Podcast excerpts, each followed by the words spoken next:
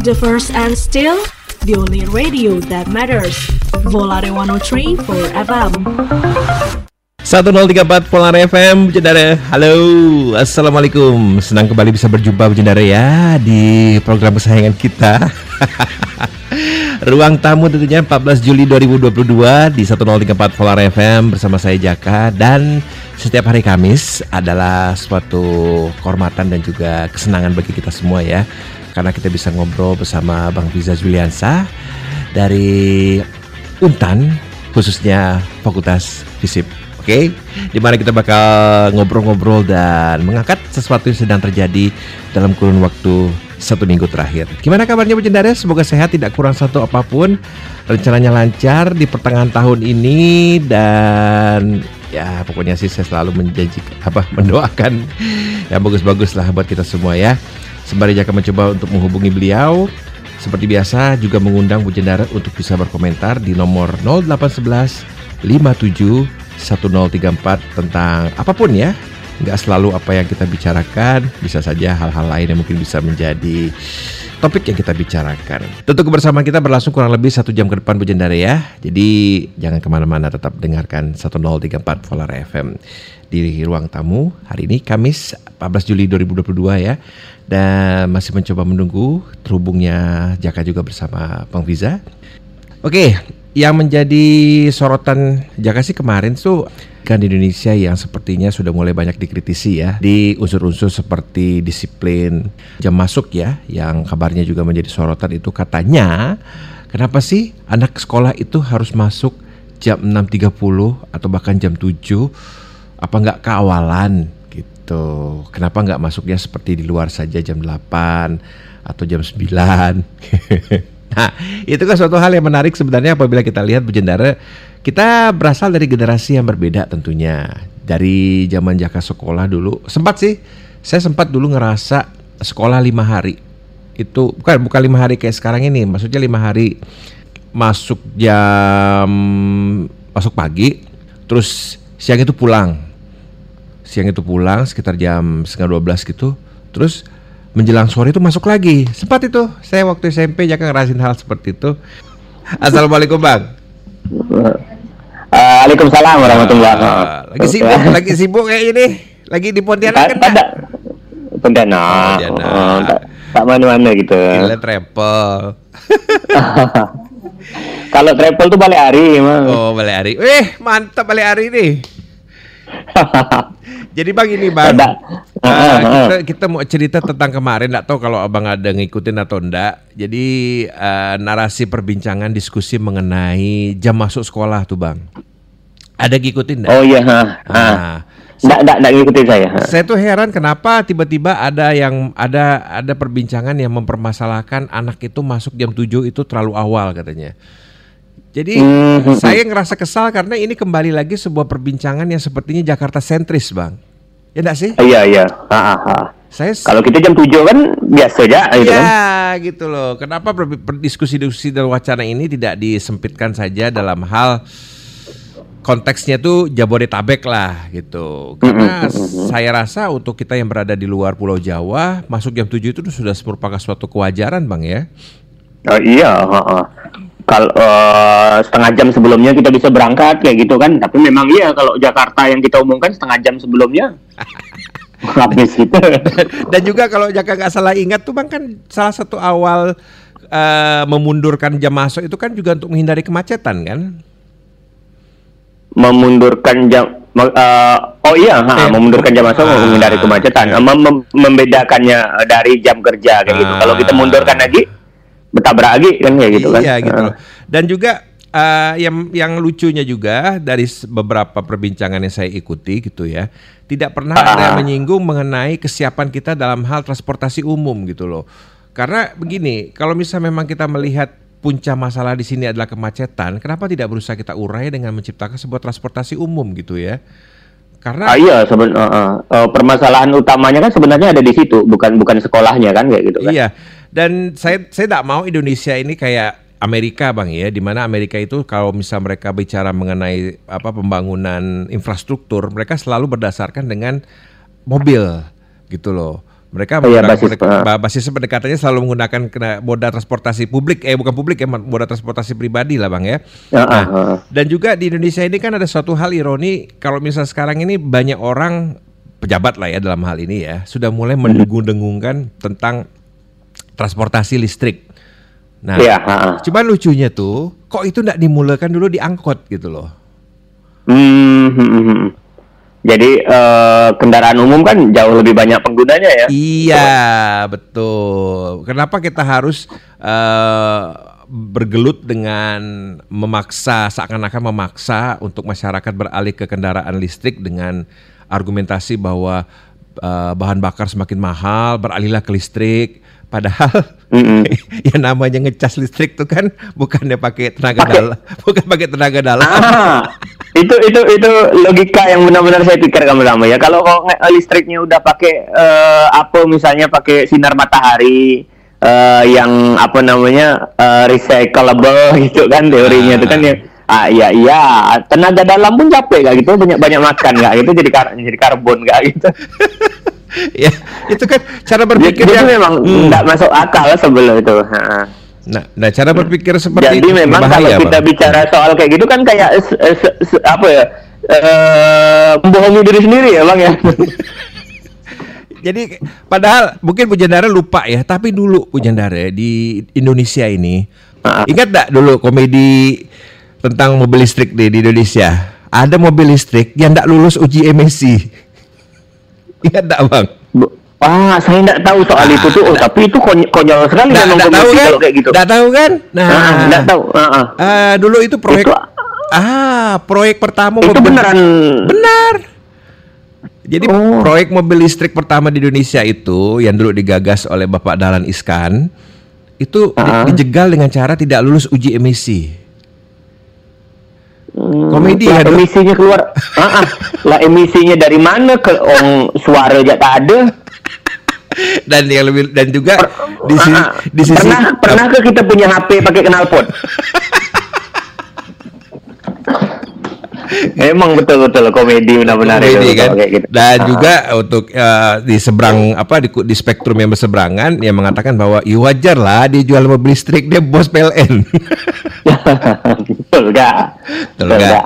Nah, kalau kita mau bicara mengenai perspektif yang lebih luas, Bang, memang kebijakan-kebijakan yang sepertinya bergerak kepada arah-arah lebih sustainable, green energy, apa segala macam ini, terkadang kita memang tidak bisa menerapkannya secara bulat-bulat, Bang ya. Oh, nggak bisa. Secara mentah-mentah. Mainnya mainnya mesti bertahap, mainnya mesti kontekstual kan. Ada daerah tertentu dengan kondisi berbeda, eh, kemampuan berbeda kan kayak gitu juga. Ya, jadi kita sih cukup bersyukur lah ya di Indonesia ini kita tidak punya yang namanya aktivis lingkungan garis keras bang ya, seperti misalkan di Ya. Eropa apa segala macam. Karena eh, belum banyak media juga yang mengangkat bahwa salah satu hal yang membuat kemarin Sri Lanka ini akhirnya nyungsep ya ekonominya itu, Ya.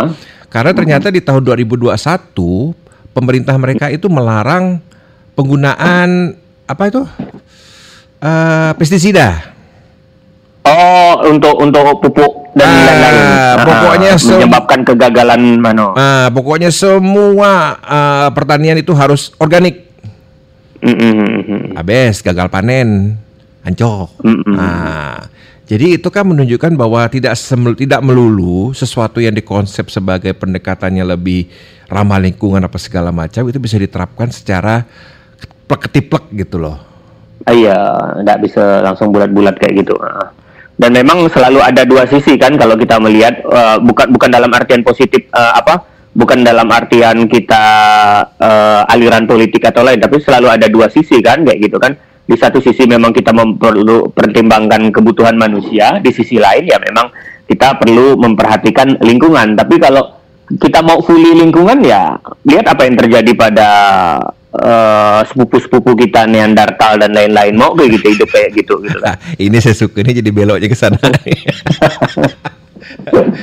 jadi memang kita harus bisa mengadaptasi lah bang ya dan, Ah, dan juga menjadi apa suatu apa istilahnya seperti persoalan paling mutakhir yang dihadapi oleh umat manusia sekarang ini adalah mengenai peralihan tentang bahan bakar itu ya Kita sekarang Ah, ah, ah. sepertinya di level tertinggi itu sedang ada pertempuran mengenai arah ke mana nih mau dibawa nih penggunaan energi nih. Apakah kita mau sepenuhnya meninggalkan batu bara, terus larinya ke mana? Nah, kemarin kan kita eh, di Pontianak sempat apa di Kalbar lah ya, sempat ada euforia ya mau bangun PLTN katanya itu kan.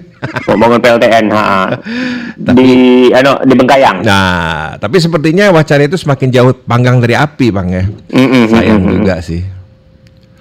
Eh, sebenarnya kalaupun dibangun itu prosesnya lama sekali kan masih kan artinya eh saya terlibat dalam kayak tim survei ano eh, sosial dampak sosial dari eh, PLTN tersebut. Jadi eh basically pemerintah itu punya sekitar 11 atau berapa gitu daerah yang di, dicanangkan untuk me- membangun PLTN termasuk di antaranya Bengkayang karena pertimbangan eh, kondisi lingkungan dan lain-lain. Nah, jadi secara umum sebenarnya rencana itu tuh baru pada survei apakah Bengkayang itu layak atau tidak untuk membangunnya. Hmm, baru survei lokasi ya.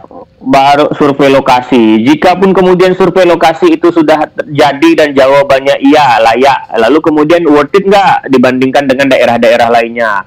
Setelah jika iya, duitnya dari mana? Nah, jadi ada banyak lapisan lapisan itu eh, lapisan-lapisan yang eh, bisa membuat eh, ini gagal tuh eh, bisa bisa saja. Dan jika uangnya sudah ada, itu proses pembangunannya itu tidak akan lebih lebih cepat daripada 20 tahunan. Artinya baru benar-benar sustain secara itu. Jadi sekitar 10 tahun proses pembangunan. Jadi ada ada proses-prosesnya juga. Jadi memang eh, kita nggak bisa berharap dalam waktu dekat. Tapi memang memang kalau memang itu dilakukan itu berpotensi untuk menimbulkan uh, sustainabilitas energi yang sangat sangat kuat bagi kita terutama Kalimantan yang Kalimantan yang mengalami krisis energi ya bertahun-tahun ya sampai sekarang kemudian beli dari Malaysia juga. Betul. Jadi memang kita juga melihat apabila kita ingin membangun infrastruktur dalam hal ini mungkin pabrik atau apa Bang ya, kayak kita butuh sumber energi kan. Bagaimana Iya. mungkin kita mau bangun pabrik banyak infra apa istilahnya manufaktur gitu ya. Kalau misalkan listrik aja masih beli dari Malaysia. Oh, persis, persis. Kalau kita pengen bila, bilang kayak gini kan eh, perdebatannya kan j- jadi saya tidak membela eh, tidak anti terhadap eh, para environmentalis. Kita setuju bahwa lingkungan kita dirusak oleh manusia, tapi eh, secara umum kita juga di diberikan oleh Tuhan dan juga itu hak untuk memberdayakan, memberdayakan dengan tidak merusak secara berlebihan atau bahkan tidak merusak sama sekali lingkungan itu kan. Hmm, nah, betul, betul. Argumen-argumen yang muncul soal pengerusakan lingkungan dan lain-lain, coba kita lihat ya, argumen-argumen muncul itu kan muncul dari negara maju yang sudah kenyang merusak lingkungan. Nah, ini nih, ini nih, ini memang sebuah argumen yang selalu muncul ya. Uh-uh. Jadi buah apa istilahnya kita merasa ada suatu apa ya? Apa boleh dibilang sikap tak tahu diri, Bang ya? Nah, tahu tahu diri dia udah menghabiskan lingkungan, karbon ini segala macam kata negara-negara seperti Cina dan lain-lain kita dah puas. Aku nih baru nak maju kita bilang dah tak boleh, tak boleh dah kayak gitu. Gimana aku nak maju kau eh, kan, kan jadi ada ada dinamika ekonomi politik, geopolitik juga yang membuat agar ke ke status quo akan keunggulan mereka itu tetap terjaga, agar tetap Hmm. terjaga. Dan bahkan termasuk di antaranya, termasuk di antaranya wacana penolakan terhadap pembangunan IKN. Ya. Kalau kita Nah, telisik, ini kita nah, langsung pivot Nah, penolakan pivot ke Ah. politik nih ya. Oke, oke. Nah, sebenarnya bukan pen- penolakannya jika kita kita mau jujur, kita mau jujur, penolakannya itu muncul dari tanah Jawa. Yang udah kenyang dengan itu semua, udah kenyang dengan itu semua. Wah, lingkungan gimana dengan orang hutan kita gimana Dananya tuh sebenarnya bisa buat gimana? ini. Oh. Dan betul, dananya bisa dibuat ini apa segala macam. Biarkanlah Kalimantan jadi tempat yang eksotik, indah segala macam. Iya, kau mau hidup tidak pakai listrik tahun-tahun kayak gitu kan? Nggak, kau udah menikmati itu semua. Kalau pengen eh, eh, pengen eh, healing, pergi ke Kalimantan, pergi ke tempat-tempat yang menurut kalian. Tapi mau nggak kalian tinggal di situ selama 20 tahun? Hmm. Dan eh, eh, jika itu nah ah, proses itu kemudian akan ah, akan jadi masalah. Bukan kita bilang bahwa oke kalau gitu kita rusak juga Kalimantan. Enggak, bahasanya tentu tidak gitu. Tapi memang untuk menciptakan pulau Kalimantan yang maju kita perlu uh, daya tarik daya tarik dari itu. Salah satunya misalnya ibu kota negara. Itu terlepas dari berbagai argumen lain soal Jakarta sudah tidak layak dan lain-lain ya. Uh, uh, ibu kota negara tentu menjadi uh, uh, central of development, pusat-pusat pembangunan. Belum lagi, lo kalau kita mau bangun itu semua kita perlu energi dong. Anda butuh investasi di Kalimantan, eh listriknya tak cukup. Anda yeah. ingin bangun pabrik, eh listriknya tak cukup. Anda mau bangun apa segala macam, akhirnya ya pembangunan itu akan uh, akan mandek juga. Nah, tinggal jadi jadi sebenarnya kalau kita dengar penerimaan terhadap uh, ide ini muncul dari orang-orang Kalimantan sendiri yang katanya diatasnamakan oleh orang Jawa-Jawa itu aktivis non non rasis ya, orang di Pulau Jawa dalam artian sentral pembangunan. Jadi bukan suku Jawa, tapi orang yang berada di Pulau Jawa bahwa kami mewakili orang Kalimantan. Wow, saya berapa kali webinar atau lainnya uh, berdiskusi kita kita tanya lah. Uh, kita tanya semua peserta yang dari Kalimantan menolak apa enggak mereka kan? Orang eh, orang-orang di Kalimantan ini kami terima tinggal kasih berapa. Ya kan berapa? Dapat berapa kami?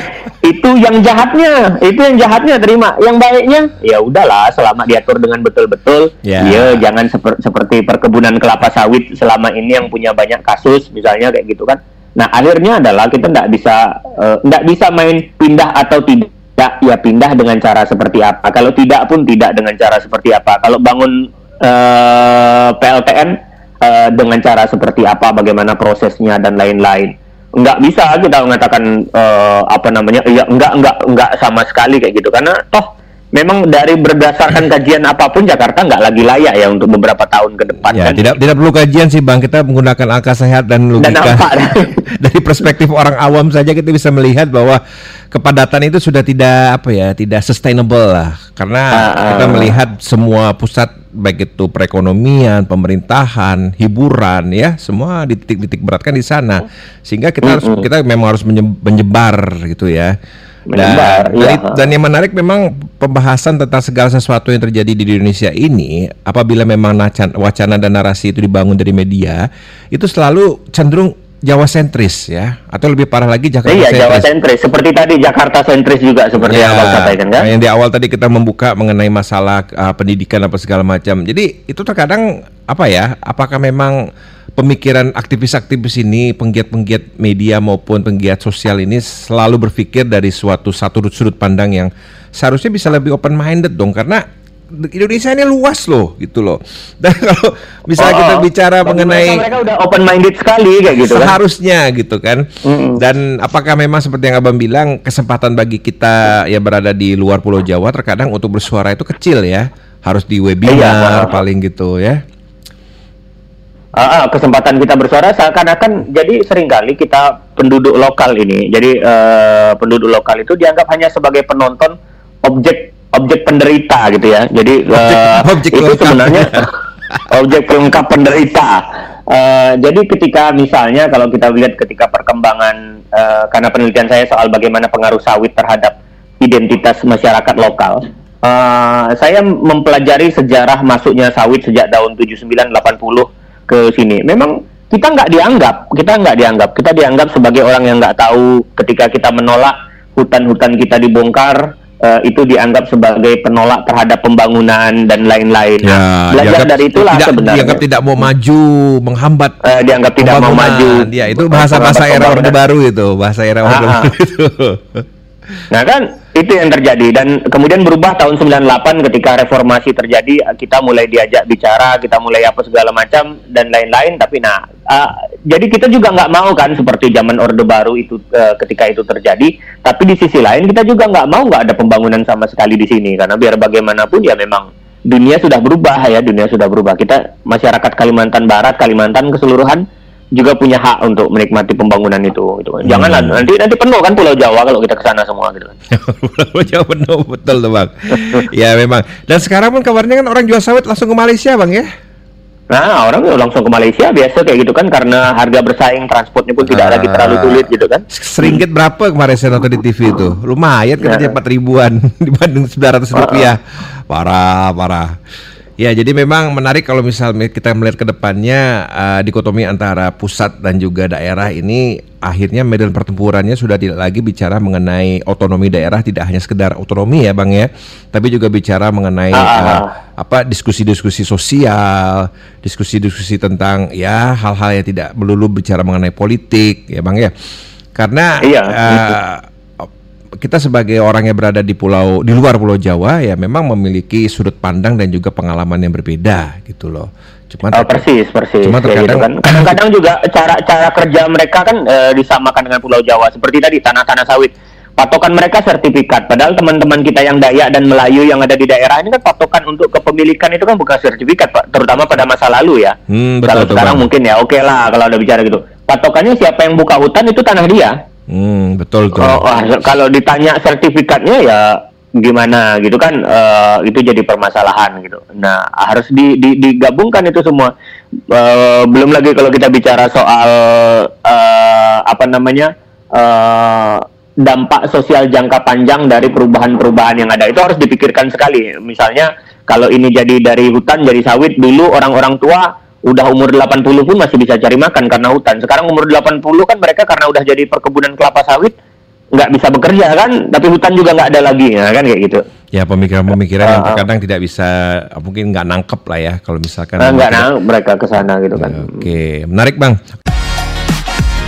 Ruang tamu di Radio Volare. Oke, Bu Jendera lanjut lagi kita masih di ruang tamu 1034 Polar FM tentunya bersama Bang Fiza yang juga bakal bergabung kembali dan melanjutkan topik yang berbeda. Ngalor ngidul tadi ya, pivot ke mana-mana, tapi itu biasa. Yang juga obrolan santai Bu Jendera. Jadi uh, ini mungkin sesuatu yang lebih ringan nantinya. Di mana? Assalamualaikum. Waalaikumsalam. Ah, saya nak makan nih Bang.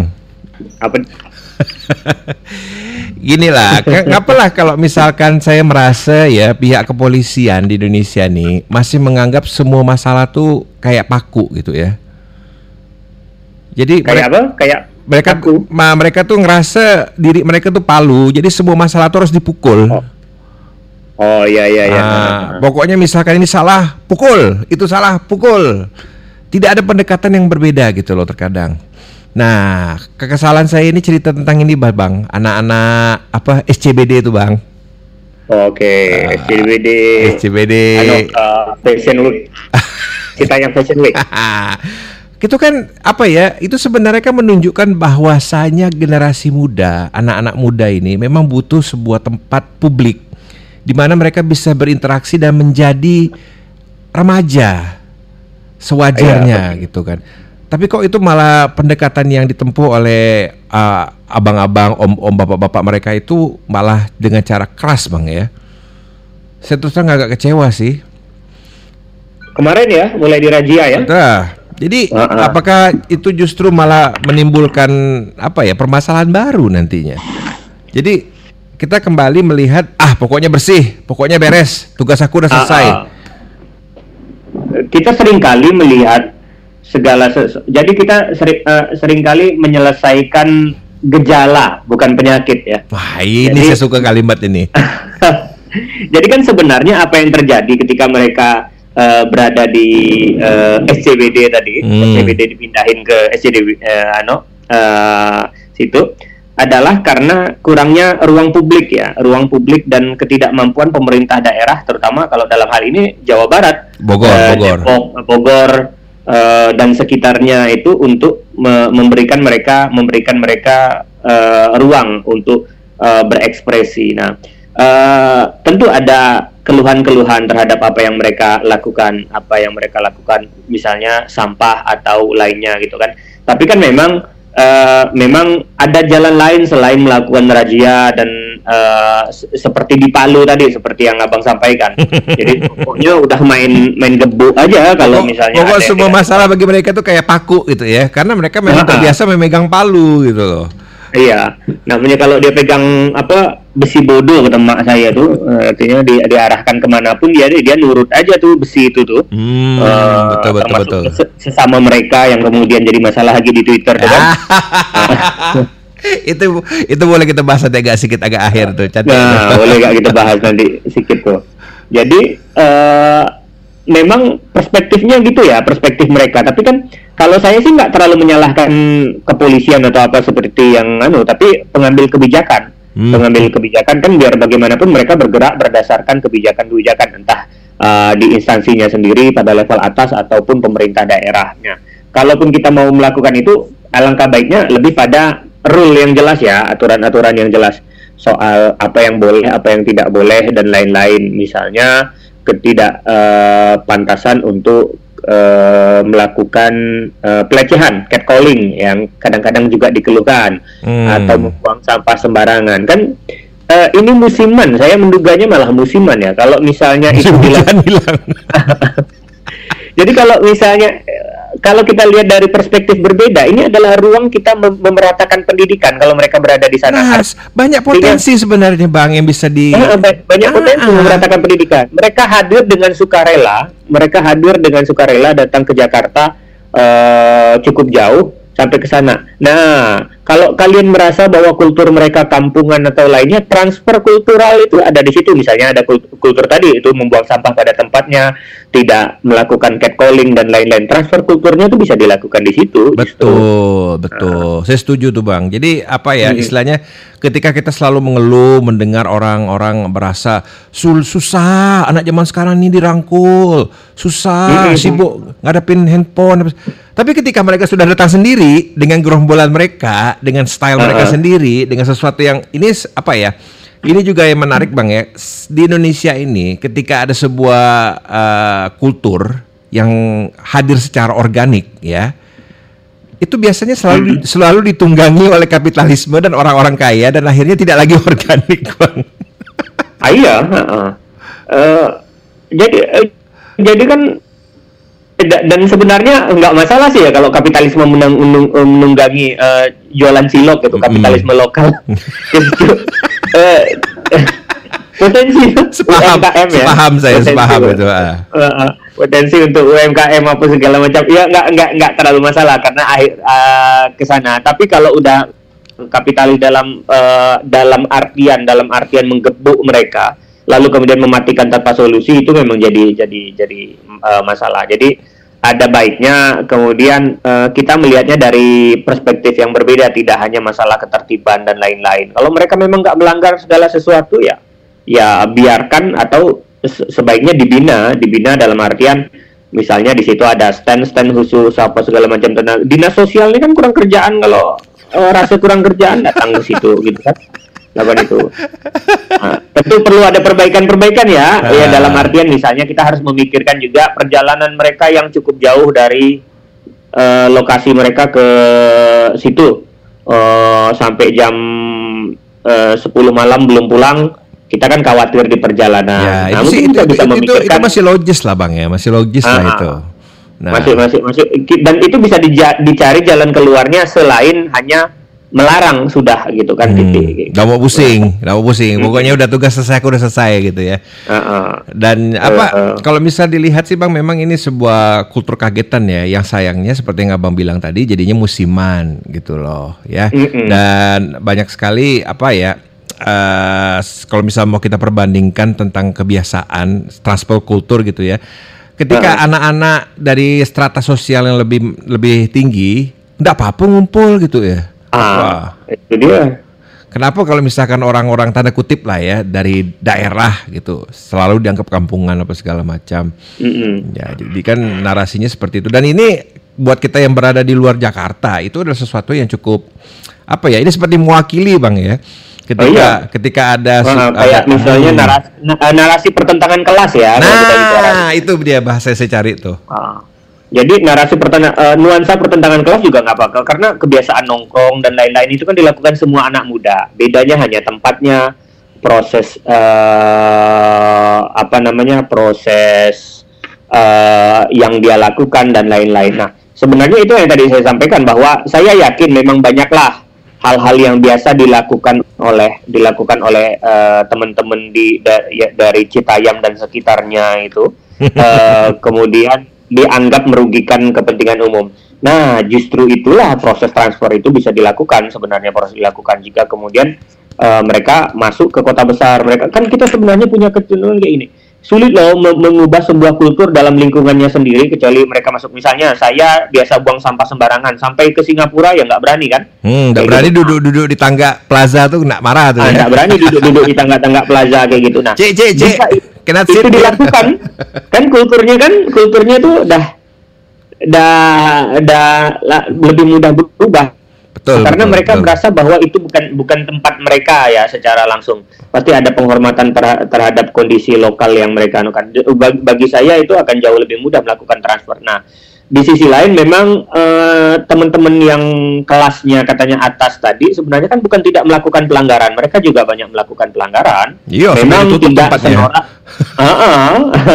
memang tidak buang sampah sembarangan Ah, tapi tapi itu beda. tadi eh, penyalahgunaan narkoba mungkin dan, Ah. dan lain-lain. Jadi ya mesti eh, berbanding lurus. Tapi juga hati-hati juga kalau kita bawa narasi ini seakan-akan bahwa ada pertentangan apa? Jadi kita yang me- mengendorse ide pertentangan kelas ini. Tapi biar bagaimanapun ya terasa, terasa bahwa ada nuansa itu kok mereka ini dianaktirikan dibandingkan anak muda lainnya kayak gitu. Hmm, dan kita juga belum bicara bagaimana sebenarnya ketika kita melihat anak-anak ini, Bang, ya mereka mencari tempat di mana mereka merasa diterima, tempat mereka merasa aman gitu ya. Ah, ah, dan ah, ketika kita sebagai apa istilahnya pem, apa ah, tidak bisa menyi- men- apa menyediakan ruang publik ini poin yang selalu kita ulang-ulang ya. Karena Mm-mm. mereka ini kita kan juga pernah muda lah, Bang ya. Iya. Kita kita kita memang memiliki sebuah ruang publik Saya masih muda, Bang. Mohon maaf bang, mohon maaf bang. Masih muda bang, masih selalu muda bang. Menolak Masih tua. muda. Saya saya kalau anu saya pengen nggak pamer outfit saya ke SCBD itu. Tanya outfit kamu, outfit of the day. Yeah. Uh, outfit of the day saya kan. Pengen tiap hari saya pengen up- update story OTD itu OTD. Jadi kan eh, yang menarik ini juga apa ketika sudah ada ini ya sudah ada pihak-pihak yang bisa memanfaatkan ini sebagai suatu bentuk eh, promo bang ya. Jadi kayak kemarin tuh apa Dufan udah make tuh kan untuk sarana promonya. Oh iya. Ah, ada lihat kan? Oh. Dan itu keren pula. Heeh, keren itu pula kan? Viral itu Keren kan? dan viral itu dan itu kan apa istilahnya sesuatu yang awalnya organik kemudian disikapi oleh para apa istilahnya kreatif director sehingga bisa menghasilkan sebuah konten yang viral gitu loh. Nah, Ah, ah, ah, hal-hal ah. seperti itu kan memang apa bisa terjadi apabila faktor-faktor yang selama ini bersebar itu bisa ber- berkumpul di satu titik gitu, Bang ya. Iya, eh, sebuah apa eh, sentral kultural baru kemudian eh, bisa ke situ. Karena itu dia kadang-kadang kita se- sering kali malu dengan cerminan diri kita ya. Eh, memang eh, bukan kita secara pribadi tapi cerminan kita sebagai sebuah Nah, komunitas. ya, ya itu kan ada. Kita sering kali pengen menutupi itu. Eh, justru nuansa lokal nuansa lokal itu yang sebentarnya mungkin malah malah laku. Saya ingat sekali ketika TikTok baru muncul itu kan banyak yang skeptis. Itu kan orang-orang yang norak ya. Eh, ya mod- model-model teman-teman yang masuk ke SCBD itulah eh, main main TikTok dengan joget-joget yang dianggap norak dan lain-lain. Toh kemudian itu enjoyable sehingga kemudian banyak yang banyak yang me- juga masuk ke situ dan jadi industri baru. Ya, Nah, mengaplikasikannya ke dalam sebuah Meng- bentuk promosi dan juga bagian dari ah, dalam marketing ya. sebuah bentuk promosi. Ah. dan kita juga suka eh, nonton eh, wawancara-wawancara yang lama-lama jadi settingan ya. Kayaknya dulu-dulu awal-awal masih beneran eh, terhadap orang-orang itu si JJ dan kawan-kawan. Nah, si Dan JJ itu, Bang. barunya yang tiap hari berubah cowoknya. Udah gitu udah tahu belum Bang latar belakang JJ itu, Bang? Oh, nah, sempat saya lihat yang ternyata dia pernah diperkosa ya Nah, oleh Jadi Anu memang memang bera- bu- bukan apa berasal dari keluarga yang ya bukan keluarga sembarangan lah gitu loh. Ya, bukan berasal dari keluarga sembarangan dan dan dan dan eh, itu menunjukkan sebenarnya peran orang tua ada di sana kalau menurut saya peran orang tua kalau kita melihat betapa dia kemudian eh, kita orang tuanya blame the victim ya. Hmm, Eh, menarik eh, itu juga. Sampai Nah, Dede Yusuf itu- turun tangan ya. Nah, kayak gitu kan. Jadi harus eh, itu itu harus kita lihat bahwa apa yang mereka lakukan itu tidak lepas dari apa yang kita lakukan eh, sebenarnya termasuk dengan eh, pelarangan-pelarangan terhadap mereka itu. Jadi kalau menurut saya itu tetap tanggung jawab kita lah dan itu bisa jadi sentral baru. Kalau kita bicara soal Korea, Korea itu kan nggak malu dengan budaya kita memperolok mereka dengan dandan cowok tapi cantik gitu segala macam.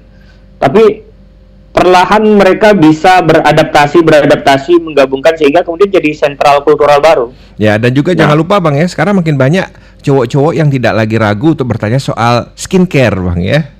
Ah, ah. Nah, Ah, Kalau kalau bisa- kayak gitu kan malu. Walaupun Ah. saya terus terang sampai sekarang saya tidak cukup jantan untuk mengakui saya mau berani nanya soal skincare kayak gitu.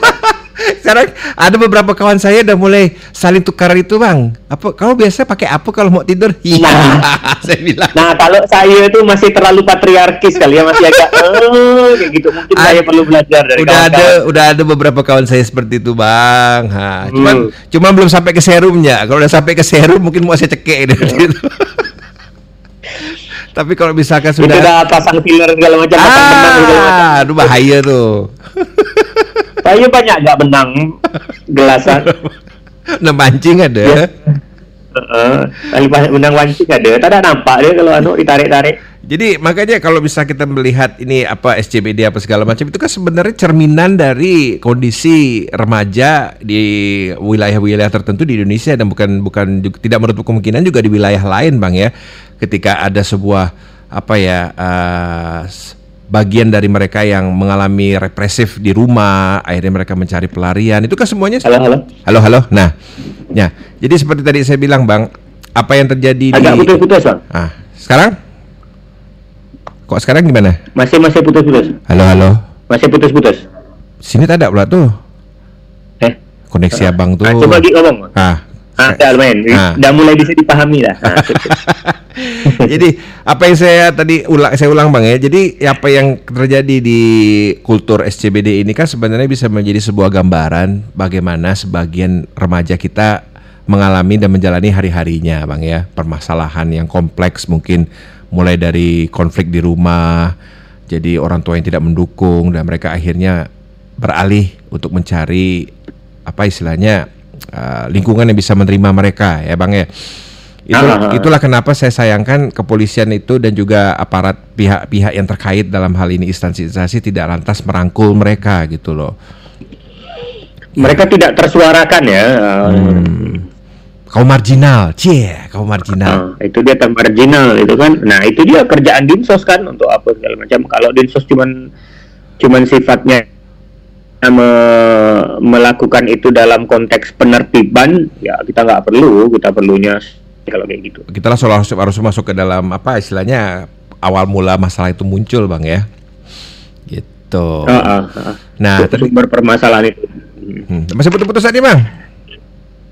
Eh, enggak, enggak, enggak, kayaknya enggak. Lancar, lancar. Lancar ya. Jadi kalau cerita tentang kepolisian tuh bang, kita, love. saya sih saya sih terus terang simpati lah ya dengan kasus yang terakhir ini terjadi nih bang ya. Karena Ah, ada sedih saya, serius saya. eh, saya mendengar. si- saya bersimpati lah ya karena begini loh ini adalah sesuatu ini era yang berbeda dibandingkan tahun 92 lah ya kalau misal tahun 92 mungkin tinggal beberapa telepon tinggal beberapa pesan lewat pager isu ini bisa cepat selesai gitu loh. Ah, ah, ah. nah cuma kan sekarang tahun 2022 nih bang. Semua orang bisa jadi analis semua orang bisa menjadi ahli hukum semua orang bisa menjadi detektif. Sehingga banyak sekali komentar-komentar yang berterbangan, analisa-analisa yang ya dengan berbagai macam teori mereka sendiri yang membuat akhirnya masalah ini memang akhirnya membesar gitu loh. dan wajar ya karena memang ada banyak jadi maksudnya kita nggak tahu ceritanya terus terang saya dengar ceritanya lebih mirip kayak film-film detektif hasil Iya. karangan eh, Kayak serial Netflix, orang-orang- Bang.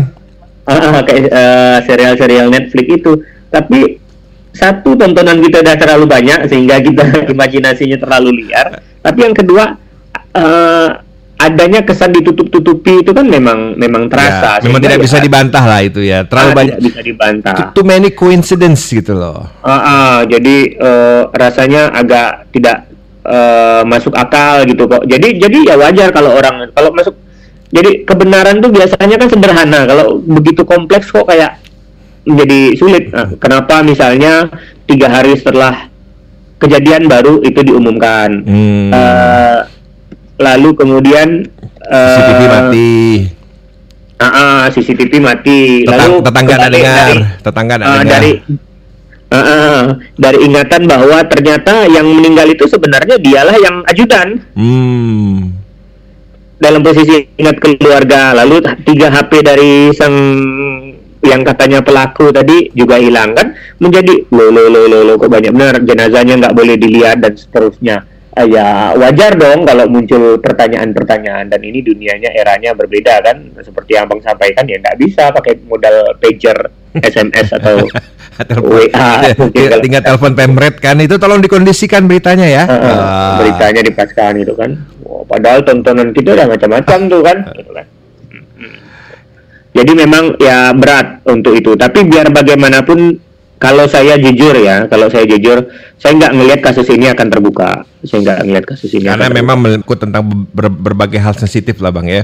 Iya berbagai hal sensitif, nama-nama besar untuk kalangan mereka walaupun kita mungkin orang awam nggak tahu. Hmm. Nah, jadi sulit itu terjadi. Apalagi di negara kita, di banyak negara yang katanya anu pun biar bagaimanapun institusi yang pegang besi bodoh tadi itu seperti disampaikan tetap akan tetap akan ada, ke, ada kepentingan uh, yang lebih besar ada ya. kepentingan kepentingan itu ada hal-hal yang berada di ruang kita di ruang itu belum lagi bahwa isu ini menyangkut uh, satu orang artinya korbannya satu orang sehingga tuntutan masa itu tidak nggak lama lagi kita udah lupa dengan topik lain kok kayak gitu. Nah makanya kemarin pas saya siaran saya sempat bilang nih bang, dalam seminggu ini ada kasus apa ya? Ya. kan kita udah lupa dengan apa yang terjadi jangan, kemarin. Jangan-jangan ada Giselle pernah tangkap nih. Nah, dan dan dan saya nggak berpikir bahwa ada yang orang bilang itu pengalihan isu. Enggak enggak pengalihan isu. Satu kita memang mudah terdistraksi. Mm -hmm. kedua memang isu kita banyak. Jadi orang-orang yang punya isu-isu besar tuh sebenarnya nggak perlu ribut buat isu baru. Lalu muncul sendiri kok. Eh, memang hidup dari susah dan rumit lah pak ya. Ah, ada, ada, ada rumit, ada semua. Kita mudah sekali terdistraksi kan, memang kan kayak gitu kan. Oke, jadi memang uh, kesimpulan dari obrolan kita hari ini bang ya memang hal-hal yang sifatnya apa ya permasalahan yang muncul secara organik itu alangkah lebih baik apabila kita bisa cari ke solusi tanpa harus memberangus secara total lah bang ya karena mm -hmm. biar bagaimanapun ya dalam kasus ini remaja anak muda generasi muda memang sangat butuh yang namanya ruang publik dan keter, keter, ketidaktersediaan ruang publik itu bisa menimbulkan banyak sekali masalah-masalah baru bang ya. Dan oh, iya. masalah-masalah sosial remaja itu adalah sebenarnya sebuah gunung es yang tidak akan pernah bisa kita ketahui sebenarnya seberapa besar dampaknya. Kita cuma bisa melihat puncaknya saja. Dasarnya itu mungkin jauh lebih berpengaruh gitu. Semoga yang oh. apa tuh bang? Iya semoga kita bisa ke dasarnya ya hmm. ke, uh, kayak gitu. Tapi memang itu masalah agak agak agak agak rumit. Jadi sering kali kita ngeliat eh, cuman ke permukaan. Jadi ketiadaan ruang publik itu penting sekali. Kita ribut mereka soal handphone. Kalau nggak main handphone mereka ke mana? Uh, ya ruang publik kan maunya. Nah kayak gitu. Ruang publiknya tidak ada atau ruang publiknya dilarang? Ruang, aduh ruang publik tidak ada dilarang Atau Dan harus ikut cara mereka. Ya beda generasi lah gitu. Ya mm. semoga itu tidak terjadi di kota kita lah ya bisa diakomodir. Oke lah bang. Terima kasih banyak atas waktunya ya, bang ya. Dan Yoi. semoga kita bisa ngobrol lagi minggu depan bang 1034 Polar FM Saudara tuntas sudah kebersamaan kita untuk ruang tamu edisi hari ini ya Kamis 14 Juli 2022 Semoga apa yang sudah Jaka obrolin bersama Bang Visa tadi bisa menambah Pujendara untuk semakin memiliki perspektif yang berbeda terhadap apa yang terjadi seputar kita Pujendara ya. Dan tentunya harapan Pujendara tetap sehat dan beraktivitas dengan lancar hari ini. Oke, okay? sampai jumpa besok bersama Ustadz Alias ya insya Allah di ruang tamu dan ya tetap patuhi protokol kesehatan Pujendara. Sekian dan wassalamualaikum. Shape your taste.